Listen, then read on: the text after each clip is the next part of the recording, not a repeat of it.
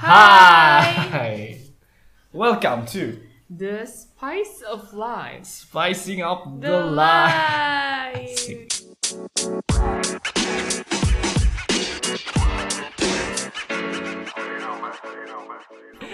Yeay. Wah, saya sangat kangen dengan berkegiatan ini. Uh, saya tidak. Jangan halo, dong. halo. Halo, terima kasih yang sudah Setiap mendengar setiap lagi. kita agak skip berapa bulan itu kayak kita memulai podcast baru lagi rasanya halo-halo lagi. Iya, dan kita memberikan excuse yang banyak. Iya. Silakan dicatat ya excuse kita mungkin nanti eh, secara akumulatif ada sekitar 728 Iya. excuse. Makanya ini tidak akan grow-grow lama-lama. Iya, Tapi kan ya udah. aktualisasi diri. Kita berlindung dengan kata aktualisasi diri. Aktualisasi diri kita yang procrastinator. Emang aktual sih sifat yang itu. Ya, Baiklah. it's been like almost two months. Kita- Since the last episode. excuse kamu apa, Vi? Apa ya? Karena lagi ini hmm, kerjaan baru, enggak Eh, Kerjaan baru seperti menanam padi, seperti me mendidik kucing.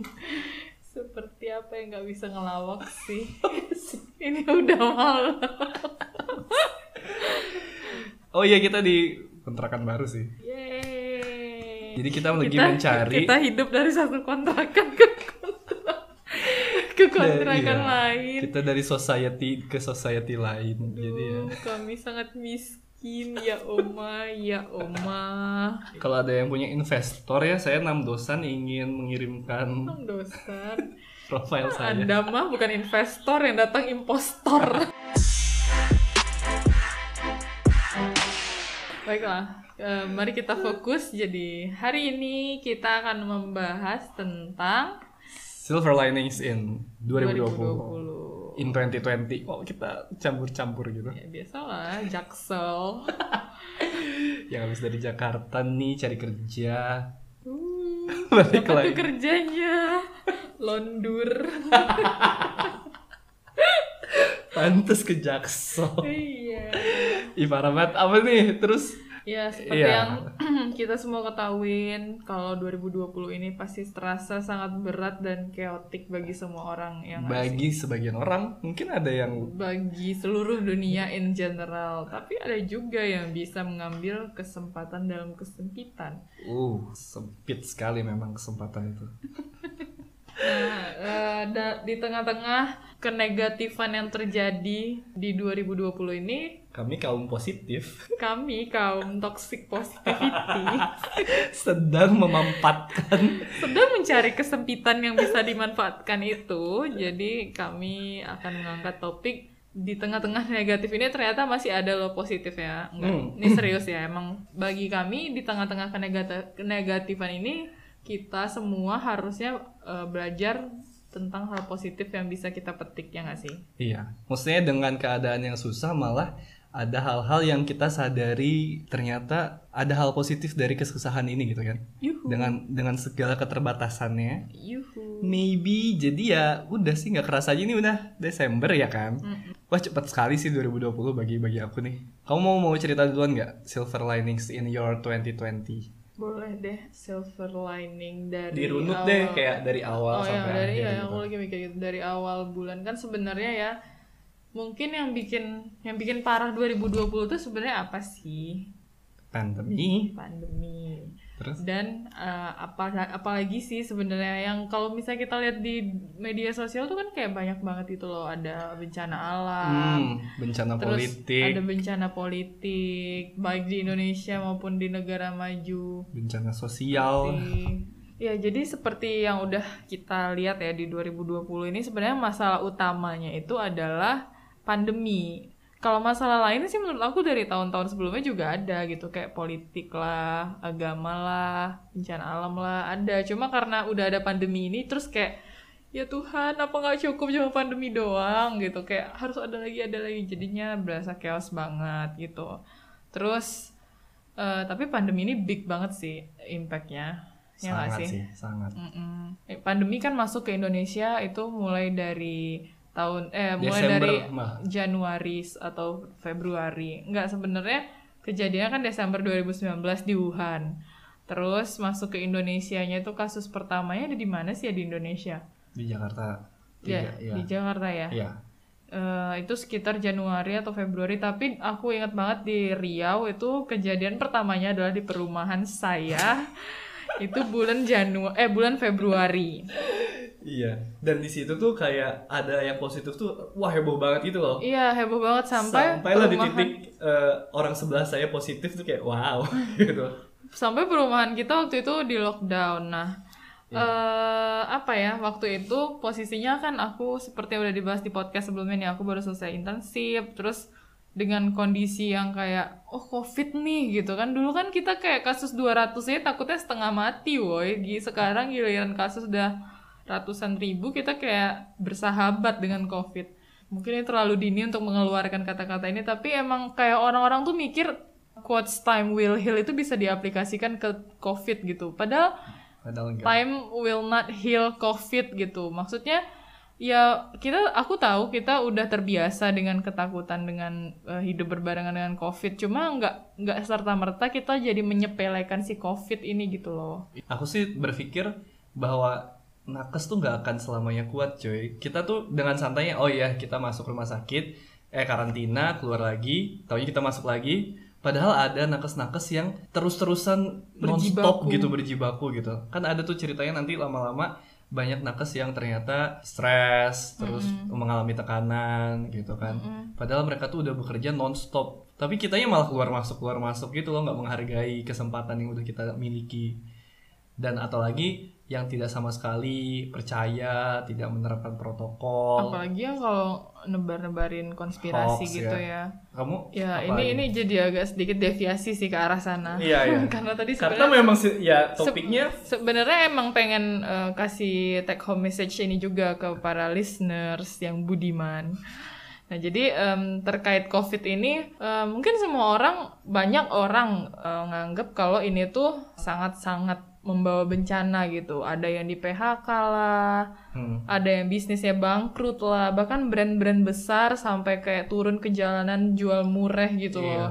Nyelamatin ang para karyawannya dan bisnisnya gitu iya itu tuh sampai segitunya gitu ya kan Eh, tapi sebenarnya dari covid ini sih eh, aku belajar kalau jadi silver lining yang bisa aku ambil adalah pertama kayak hal-hal basic untuk kesehatan diri itu matters gitu. Jadi Cuci belum sebelum sebelum ke sana tuh kayak sebenarnya covid tuh mengajarkan hal-hal sederhana tuh yang sebenarnya penting gitu. Maksudnya kamu nggak perlu muluk-muluk hal besar ini itu ini itu gitu. Kamu cukup patuh sama hal-hal yang sederhana sederhana aja kamu bisa selamat gitu masalahnya adalah kamu mau patuh atau enggak ya dan, sih dan ini tuh bisa apply gak hanya ke covid gitu loh yang patuh nggak patuh itu Iya. untuk menyelamatkan hidup ya Nah, dan ini tuh bisa banyak hal lah. Tapi in Iya. a bigger scope, kalau aku sih mengkaitkannya karena aku cukup cukup agamis anjir. agamis anjir gimana tuh? Agak sedikit gelai, tapi ya benar eh, kalau kita lihat ke bigger scope-nya, kalau sama kayak kita memeluk agama gitu, nggak perlu yang hal-hal besar lah kayak umbar-umbar di sosial media ini itu segala macam. Ini cukup lakukan hal-hal kecil, rutin, disiplin dan patuh sama itu Mhm. itu bakal nyelamatin kita gitu menurut aku. Jadi kayak COVID sekarang kan yang disuruh cuma 3M, tapi masyarakat masih banyak yang mengabaikan. Coba kalau misalnya dibilang obatnya COVID itu adalah daun kumis kucing, sekarang harganya 3 juta dan semua orang pasti kayak beli obat itu gitu. Pada Iya. berbondong-bondong mesen nyari Dari- obat itu daripada menghindari ya daripada menghindari. Kenapa kalau misalnya dikasih suatu kayak yang kemarin ada daun apa eukaliptus gitu katanya itu anti covid semua orang pada beli dan heboh yang gitu itu. dikalungin itu nggak sih? Ah, ah, padahal ya gitu kita nggak perlu bayar gitu. Buat buat terhindar dari pandemi ini nggak perlu bayar cukup dengan Iya. patuh dengan hal-hal sederhana aja kenapa susah banget dilaksanakan gitu. Jadi covid bagi aku silver liningnya adalah uh, makes us to appreciate little things in our Iya. life how about you udah maksudnya silver liningsnya all about covid Eh, kan satu-satu dong TikTok Oh TikTok. Aku lebih ke ini sih ke suatu kehidupan tatanan hidup baru itu. Mm-mm. Menurutku hal-hal yang kayak nggak mungkin ternyata bisa dilakukan dan bagus-bagus aja hmm.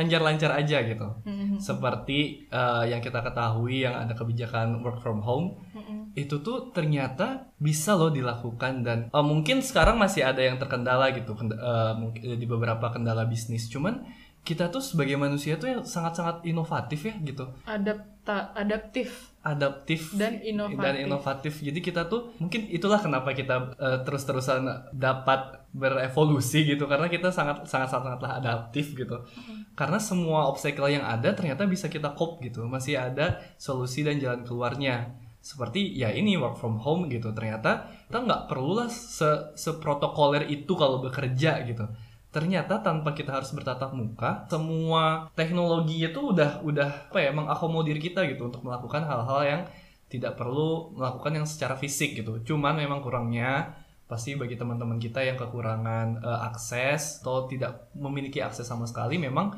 jadinya sangatlah terhambat gitu dengan kegiatan tidak adanya tatap muka ini. Cuman aku kayak optimis gitu loh di masa depan gitu dengan resource yang kita punya seharusnya termasuk resource internet dan listrik ya harusnya kita tuh bisa gitu tidak harus sesuai se protokol itu dalam menjalankan pekerjaan gitu. Ternyata WFH ini juga memberikan sedikit apa ya angin segar sih bagi para pegawai gitu karena uh, buat teman-teman yang harus berjibaku dengan kemacetan dari pagi dari lima hari full gitu. Atau dia pengen sedikit-sedikit bekerja di dekat dengan keluarganya gitu. Itu bisa bisa sedikit-sedikit tanpa mengurangi kinerjanya gitu. Mm-hmm. nah itu tinggal orangnya aja yang ngatur gitu. Mm-hmm. dan dan kemampuan adaptivitas si perusahaan coy. Mm-hmm. jadi nggak ada yang nggak mungkin gitu. Jadi aku optimis banget kalau misalkan in, including buat uh, pendidikan juga ter, ternyata bisa loh gitu. Mm-hmm. dari online gak harus selalu, selalu tetap muka. Menurut aku itu ya yang pertama sih. Berarti sebenarnya banyak sih dari cerita kamu uh, yang pertama kalau yang aku yang aku tangkep ya. Bagi kamu covid tuh kayak mengajarkan bahwa manusia itu sangat sangat sangat mampu, sangat mampu. menguasai segalanya hmm, hmm. dalam keadaan apa pun ya nggak sih? Obstacle apa pun gitu. Jadi apa alasannya kamu merasa kamu nggak mampu menyelesaikan masalahmu saat ini yeah. iya sih emang iya sih justru dengan covid ini kita nggak pernah ngebayangin kan tatanan hidup yang kayak sekarang ini iya, nggak iya, iya. pernah bakal terbayang bahwa akan ada WFH, terus hmm. ada school via Zoom dan iya, lain-lain yeah, gitu-gitu. Dan ternyata bisa, artinya manusia tuh mampu sebenarnya melakukan apa pun dan beradaptasi dengan apa pun. Iya. Ternyata dengan kita dipaksa seperti ini, uh, jadi yang generasi boomers dipaksa untuk lebih belajar lagi teknologi, mm -hmm. terus kita dipaksa lagi untuk lebih efisien karena tidak harus tatap muka, mm -hmm. bisa di mana saja gitu, mm -hmm. kita bisa melakukan meeting di mana saja kayak wow kenapa nggak kita lakuin dari dulu gitu iya tapi yang poin per poin pertama tuh berarti ya manusia capable ah iya kayak the, apa ya the highest the highest pyramid apa namanya ya yang paling paling ya, intelektual lah untuk di antara semua yang ada di dunia ini gitu iya. jadi sekali lagi itu mengajarkan kita untuk appreciate ourselves gitu hmm. kalau kita bisa ngelewatin ini semua sampai saat ini kenapa nggak bisa ngelewatin masalah-masalah yang sederhana itu loh maksud aku kayak yeah. cuma patah hati atau apa atau atau gagal dalam sekolah atau gagal dalam kerjaan kenapa kayak merasa harus uh, hmm. the end of the world gitu hmm. sementara di saat kita yang emang bener-bener the end of the world kita masih bisa coping with hmm. with the situation gitu, gitu. loh iya itu yang pertama terus yang kedua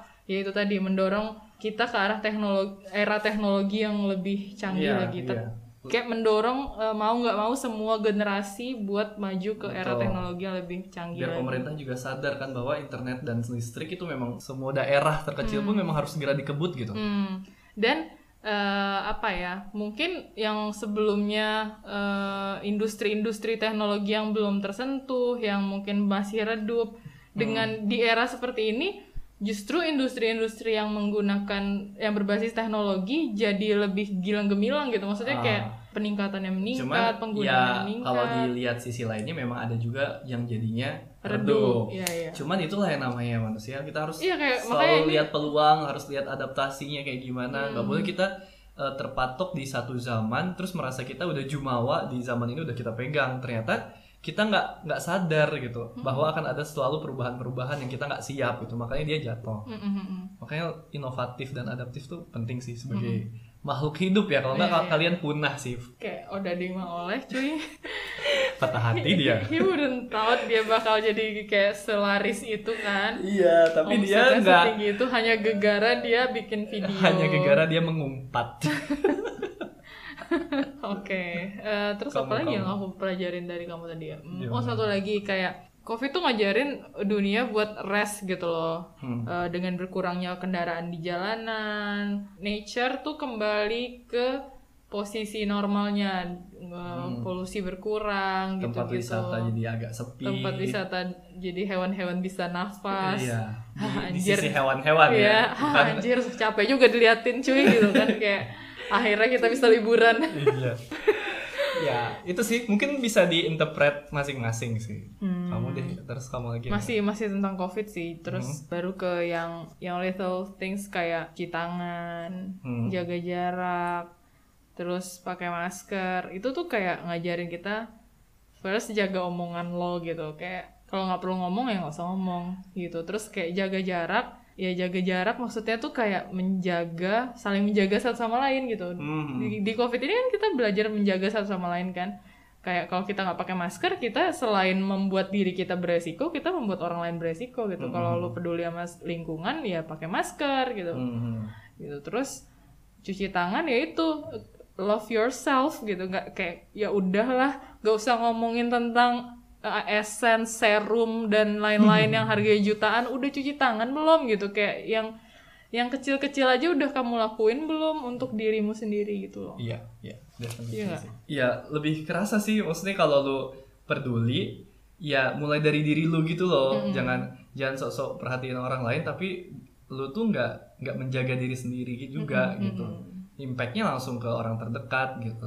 Terus apa ya? Selanjutnya sebenarnya kan COVID nih yang paling utama nih. Jadi Yang personal dong, personal. jadi jadi kan apa COVID. namanya? Jadi enggak Highlight-nya lah, highlight Iya, maksudnya ya. dari kan ada urutannya gitu. Hmm. Habis itu kan masalahnya aku struggle di kerjaan. Nah, awal-awal COVID tuh aku nggak mau kerja gara-gara takut lah kan di bidang tenaga kesehatan ya. Call me cupu, emang cupu sih woi kan karena sayang sayang sama nyawa juga. Beside aku ada rinitis jadi kayak sering pegang hidung, pegang mata gitu which is high risk for uh, penularan ya tertular COVID gara-gara kan dilarang buat pegang mata, hidung sama mulut. Jadi aku menunda kerja buat sampai berapa ya? Sampai Mei, Juni gitu, sampai akhirnya baru masukin lamaran ke rumah sakit dan ternyata ternyata eh aku cuma masukin satu lamaran dengan kayak optimisme oh, pasti aku bakal masuk gitu. Asik. Karena Anak aku nggak maksudnya aku merasa aku capable gitu buat masuk ke sana gitu. Nah, ini nih di, di saat merasa ini nih ada Jumawa ada ya? perbedaan tipis antara merasa dengan pedean a- antara percaya diri dan terlalu per- percaya diri gitu kan. Iya. Jadi em, ya ternyata tidak masuk dan akhirnya aku masukin ke yang lain satu-satu nih awalnya masih satu-satu sampai akhirnya aku masukin ke semua hampir ke hampir ke semua rumah sakit gitu. Dan itu sedih banget sih, sedih banget ketika apa ya tolak ukur masuk kerjaan tuh apa sih sebenarnya gitu. Kalau kalau tes ya ya udah ayo seorang dokter ya.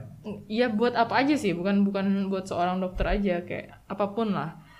Kalau mau tes ya ayo gitu. Kalau kalau nilai ya ayo. Terus apalagi mungkin penampilan atau mungkin ya banyak faktor sih sebenarnya. Cuma what makes me sad adalah aku merasa kayak bagiku ya waktu itu nggak ada alasan gitu kenapa aku nggak kepilih dibanding yang lain gitu loh. Aku aku hanya butuh kayak alas waktu itu aku kayak butuh alasan kenapa aku nggak dipilih. Ter- ternyata ternyata mereka nggak bisa jelasin gitu nggak bukan nggak bisa mungkin nggak nggak boleh ngejelasin ya. Ya jadi intinya seperti kayak dark cloud gitu kayak uh, awan yang hitam dan uh, sangat menyedihkan dalam hidup aku. Cuma silver liningnya adalah itu rendah diri karena Rendah hati boy, rendah diri merasa kurang. dari tadi kok diem aja anjing? dari tadi aku rendah diri aku dari tadi ngomong apa sih? Rendah hati apa rendah diri. Dari tadi pantesan aku jadi sampah. Ya jadi intinya rendah hati. Rendah hati jangan sombong. Karena jangan dulu, jumawa kan. Karena emang dulu saya sombong jadi kayak ditampar lah sama semesta. Rasa iya. itu makan tuh sombong lu. Soalnya dikasih ini di mana posisi ternyata e, di tengah covid tuh malah jadi susah cari kerja ya. Iya. Iya padahal yang harusnya nggak susah malah susah gitu. Malah susah. Iya jadi um, bahkan hal paling tinggi dan hal paling stabil di dunia ini tuh bisa jatuh gitu. Semua orang punya kemungkinan buat jatuh. Yeah. Prepare yourself. Terus aku jadi kayak belajar tentang think the opposite. Sebenarnya itu udah lama sih tentang think the opposite ini. Cuma itu kembali lagi terngiang di tahun ini gitu. Hmm hmm, mungkin untuk menekan sedikit kesombongan dan kejumawan itu harus think the opposite. Gimana kalau aku gagal gitu loh memikirkan hal terburuk yang mungkin bisa terjadi. Hmm, jadi uh, kamu udah menyusun beberapa backup plan ya? Harusnya. Nggak nggak nggak ada hanya plan A yang pasti goal gitu. Hmm. pasti selalu ada katalis-katalis lainnya yang faktor-faktor tuh bisa membuat plan kita tuh fail gitu. Hmm, hmm, uh, tapi untungnya aku udah belajar how to get the fuck off gitu. Jadi mungkin aku berkali-kali kan ditolak gitu. Uh, tapi aku tetap jalan terus nggak kayak berhenti dan putus asa gitu loh. Dulu hmm. kalau misalnya ini terjadi di tahun aku dulu dulu gitu mungkin aku bakal jatuh depresi lagi gitu. Okay but since I've grown up yeah. jadi uh, ya udah I have to settle the things and get the fuck up gitu terus yeah, yeah. oke okay. what okay. doesn't kill you makes you stronger aja ya kan uh.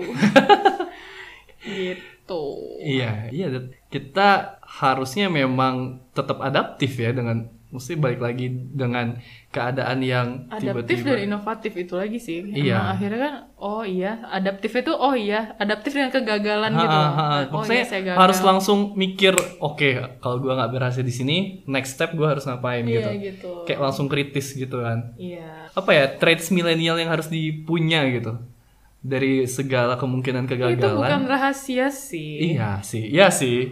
Uh, kalau kamu apa selanjutnya kamu nih? Selanjutnya um, balik lagi ke sosial. Uh-uh. Eh dari mana ya? Self development deh. Uh-uh. Ternyata masih banyak kesempatan-kesempatan yang kita tuh sebenarnya punya gitu. Maksudnya kesempatan-kesempatan yang terbuka dalam semua kesempit-sempitan ini gitu. Uh-uh. Ternyata uh, hal-hal yang tidak diduga karena pandemi ini kita punya kesempatan seperti bisa bisa apa ya bisa terjun ke dunia internet misalkan. Atau sebelumnya bapak nggak terjun pak ke dunia internet? Sebelumnya saya menyaksikan aja gitu nggak iya, nggak take action kan? Iya, bapak boomer ya saya saya hanya penikmat konten ternyata. Oh, saat kaitannya sama konten. Konten hmm. atau misalkan ya tapi yang, kan sebelum covid kita udah sebelum Mak maksudnya kalau di bagian ada. di bagian aku nih misalkan sekarang kan banyak banyak acara-acara uh, seminar online gitu kan hmm. ternyata saya bisa terjun oh, gitu oh maksudnya oh Oh mau mengungkit bagian enggak, bahwa enggak. anda menjadi MC Enggak, enggak, Kondang enggak Iya, stop, Fit Stop Di tengah Fix banget anjir di tengah masa enggak. covid. Anda menjadi MC kondang enggak enggak. Oh si saya enggak tadi anda mengarahkan menggiring saya ke opini tersebut. Ya ya jadi Wiguna emang Bang, udah udah. Udah enggak. Maksudku gini ternyata kesempatan itu yang hanya bisa didapatkan dengan uh, biasanya yang tidak berjarak gitu Hmm. Banyak event-event yang harusnya kamu tuh harus datang di sini, hmm. kamu harus kenal orang ini, kamu harus uh, memiliki skill yang belajar di the exact that place gitu. Hmm, hmm, hmm. Ternyata jadi melebar sangat melebar gitu loh si kesempatan ini. Jadi eh, nggak uh, nggak hanya orang-orang tertentu di tempat tertentu yang bisa mengambil kesempatan dan pembelajaran. Hmm. Cuman dengan adanya ini gitu, hmm. bisa woi se Indonesia gitu. Uh, punya kesempatan. Ibaratnya kalau kalau misalnya pandemi tidak melanda kita, you wouldn't be there. Exactly. Iya, jadi ternyata dengan uh, segala tatanan baru dan kita dipaksa untuk tidak ber bertatapan langsung gitu, uh, menerapkan segala efisien online, hmm. ternyata malah jadi melebarkan ke, banyak kesempatan gitu bagi orang-orang, hmm. termasuk yang aku bilang tadi ada kesempatan hmm. yang itu gitu. Makanya jadi kalau kita pingin belajar gitu, hmm pasti bisa ada jalannya woi ternyata gitu. Jadi sebenarnya apa ya uh, yang aku tangkap adalah tergantung kamu mau melihat 2020 ini dari kacamata yang Iya. mana gitu. Tergantung seberapa cerdik kamu melihat potensi Karena gitu. pandemi ini sama-sama melanda semua orang, tapi kenapa ada yang merasa, ini menguntungkan, mengapa ada yang sangat mengutuk-utuk pandemi ini gitu Iya, nggak sih? gitu. Betul. Maksudnya ada cuy kesempatan yang kita nggak lihat sebelumnya dengan pandemi ini kayak oh gue bisa nih ambil chance yang ini kenapa gue harus terpuruk di hal yang lain gitu yang hal yang tertutup tapi ternyata hal terbuka gue fokus di hal hal tertutup tapi nggak lihat hal yang terbuka jadinya kan. Jadi kayak harus melihat look the other around gitu. Maksudnya lihat oh ada yang ada cahaya lainnya yang yang terbuka nih celah ini nih mas berarti gue harus menuju ke sana jangan meratapi sesuatu yang sudah tutup gitu udah terkubur gitu kan iya nggak sih Iya ya, kayak if opportunity doesn't knock, build a door, yay. Itu aku udah Jadi gak, tapi gak ada hubungannya sama yang dibilang Ovi tadi ya guys. Wah, mau banget dibahas. gak ada. Ya, jadi dia jadi MC Gak. itu fake Oke oke. ya kan. Nah, terus kamu lagi deh. Bikinlah ini kamu apa namanya riwayat MC kamu di LinkedIn. Siapa tahu kamu Ya, jadi woy. terkenal Choki Sitohang. Eh, Oke. Your, your turn, your turn. Kayaknya kita batasin aja. Kita udah berapa sih? Satu, satu, satu, satu. Kayaknya nggak banyak juga sih. Aku satu lagi. Kamu. Tadi kan aku udah di eh, di kerjaan, di self development. Satu Hmm. lagi yang tentang aku sih personal. Hmm, aku nggak mengkotakkan gitu. Aku cuma berdasarkan runut waktu apa yang aku pelajarin. Nah yang terakhir itu kemarin aku kayak dihadapkan dengan beberapa pilihan gitu. Itu kayak may- maybe the hardest choice in my life gitu loh. Eh, terus aku sampai nanya ke beberapa orang dan apa nih? pilihan Pilihan. pilihan tentang kerjaan. Oh, oke. Mm, Terus. terus akhirnya aku ngambil pilihan yang sebenarnya masih blur dan akhirnya aku gagal gitu. Ceritain dong. Enggak, Enggak jangan lah, ngerti. jangan, jangan, jangan. Ya intinya, intinya, uh, I'm thankful that I'm, uh, that I took The risk. the risk for my choice gitu. Walaupun gagal, akhirnya aku belajar banyak sih, belajar banyak. Nothing tulus kan? Sebenarnya nggak gagal juga karena aku nggak mau menunggu terlalu lama di pilihan yang itu gitu. Karena pada akhirnya si pilihan itu kembali menawarkan. Aku cerita nggak? Iya, iya. Ya pilihan itu kembali menawarkan gitu. Dan ternyata aku belum gugur gitu di pilihan itu. Cuma ya karena terlalu lama dan aku butuh kepastian buat cepat ya mungkin dan mungkin jalannya emang di sini jadinya aku dari situ bela- eh, sedikit membuang waktu tapi ya belajar belajar tentang sifat manusia belajar tentang geografis Iya, Indonesia iya. Jadi gini guys. nggak usah usah Jadi Nggak Ovi itu usah. Oh, please. keterima, Oh, tapi no. dia men- mengejar cita-cita di di rumah sakit di Jakarta di pusat demi No. mengejar cita-citanya karena lebih challenging walaupun di di sini udah udah ada yang safe place, Six, cuman six. dia dare to take the risk aja dan akhirnya memang tidak karena satu dan lain hal Hmm. karena eh, waktu juga yang semakin eh, mepet kan harus memilih pilihan ternyata eh, safe place itu memanggil Ovi kembali yang awalnya kira udah lepas ya Iya. ternyata karena dia nggak jelas gitu ya karena Ovi udah dare untuk eh, Ninggalin. ninggalin untuk yang lebih apa ya yang lebih pasti ya yang enggak enggak pasti kan di kamu Eh, dia udah gimana sih kamu tuh udah ninggalin yang yang safe place di kota kamu tapi kamu dare untuk eh, take the risk untuk ke Jakarta cari ilmu yang mungkin bakal lebih banyak ilmunya di situ Iya. kan di bidang passionate kamu. Cuman karena terlalu lama dan satu lain hal mepet akhirnya yang safe place kamu ternyata belum sepenuhnya melepas kamu dan manggil kamu lagi kan? Enggak udah sepenuhnya melepas. Oh, udah aku sepenuhnya. udah di titik kayak anjir kenapa jadi have kehilangan to go iya, gitu kan, kenapa udah. jadi kehilangan keduanya? Kayak awalnya mau ngegenggam, ngegenggam yang satu ngegenggam yang lain setengah-setengah gitu tapi Iya, ternyata iya. jadi kayak lepas keduanya gitu loh Wah iya sih, jangan setengah-setengah ya jadi orang tuh beneran Nah, kayak itu. harus dare kalau mau take risk beneran 100% take risk ya. Iya, mm-mm. nah waktu itu ya udah emang udah 100% gagal tuh, tapi akhirnya aku kemba- memutuskan buat balik lagi dan eh, nyoba lagi. Nyoba nah lagi, itu ternyata- kayak nggak ada muka kayak tebal muka aja gitu nyoba lagi.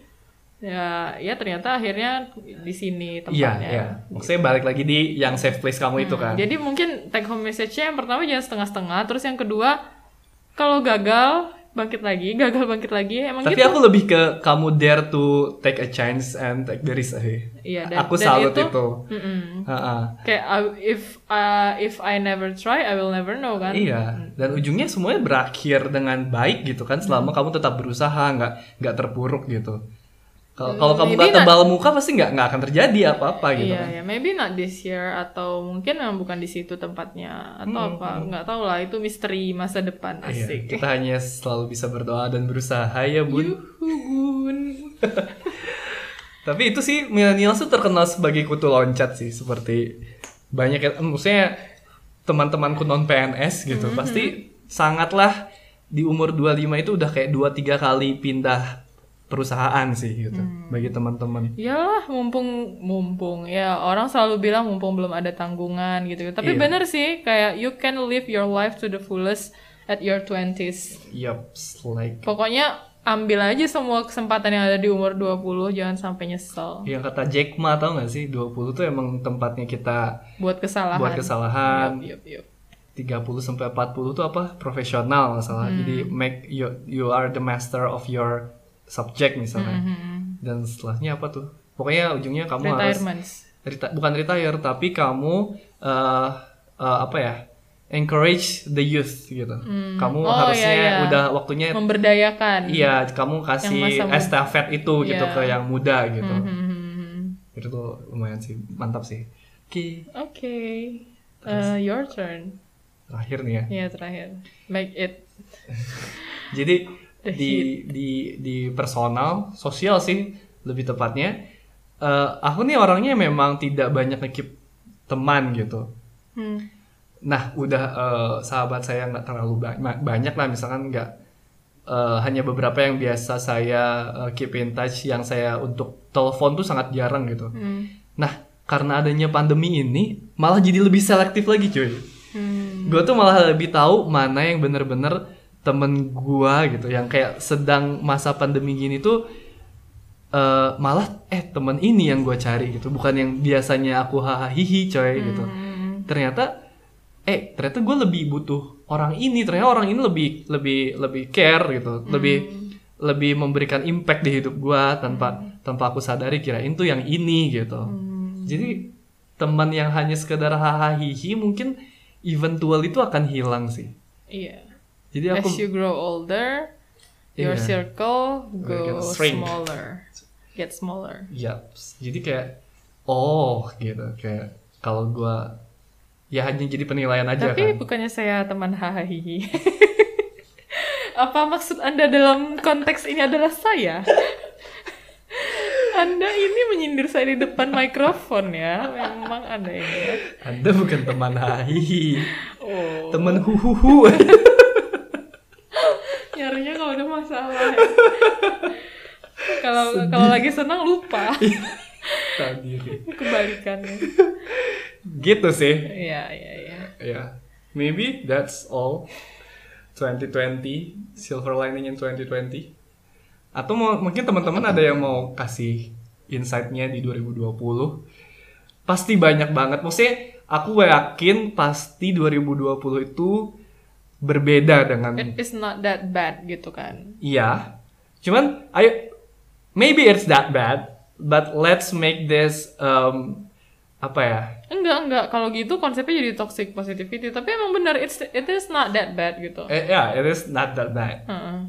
Let's see the apa ya? Coba deh lihat lagi gitu. Coba deh kamu flashback lagi. Apa Iya. pasti ada yang kamu syukurin di tahun ini, pasti gitu. Ya nggak sih? Hmm, Iya kan?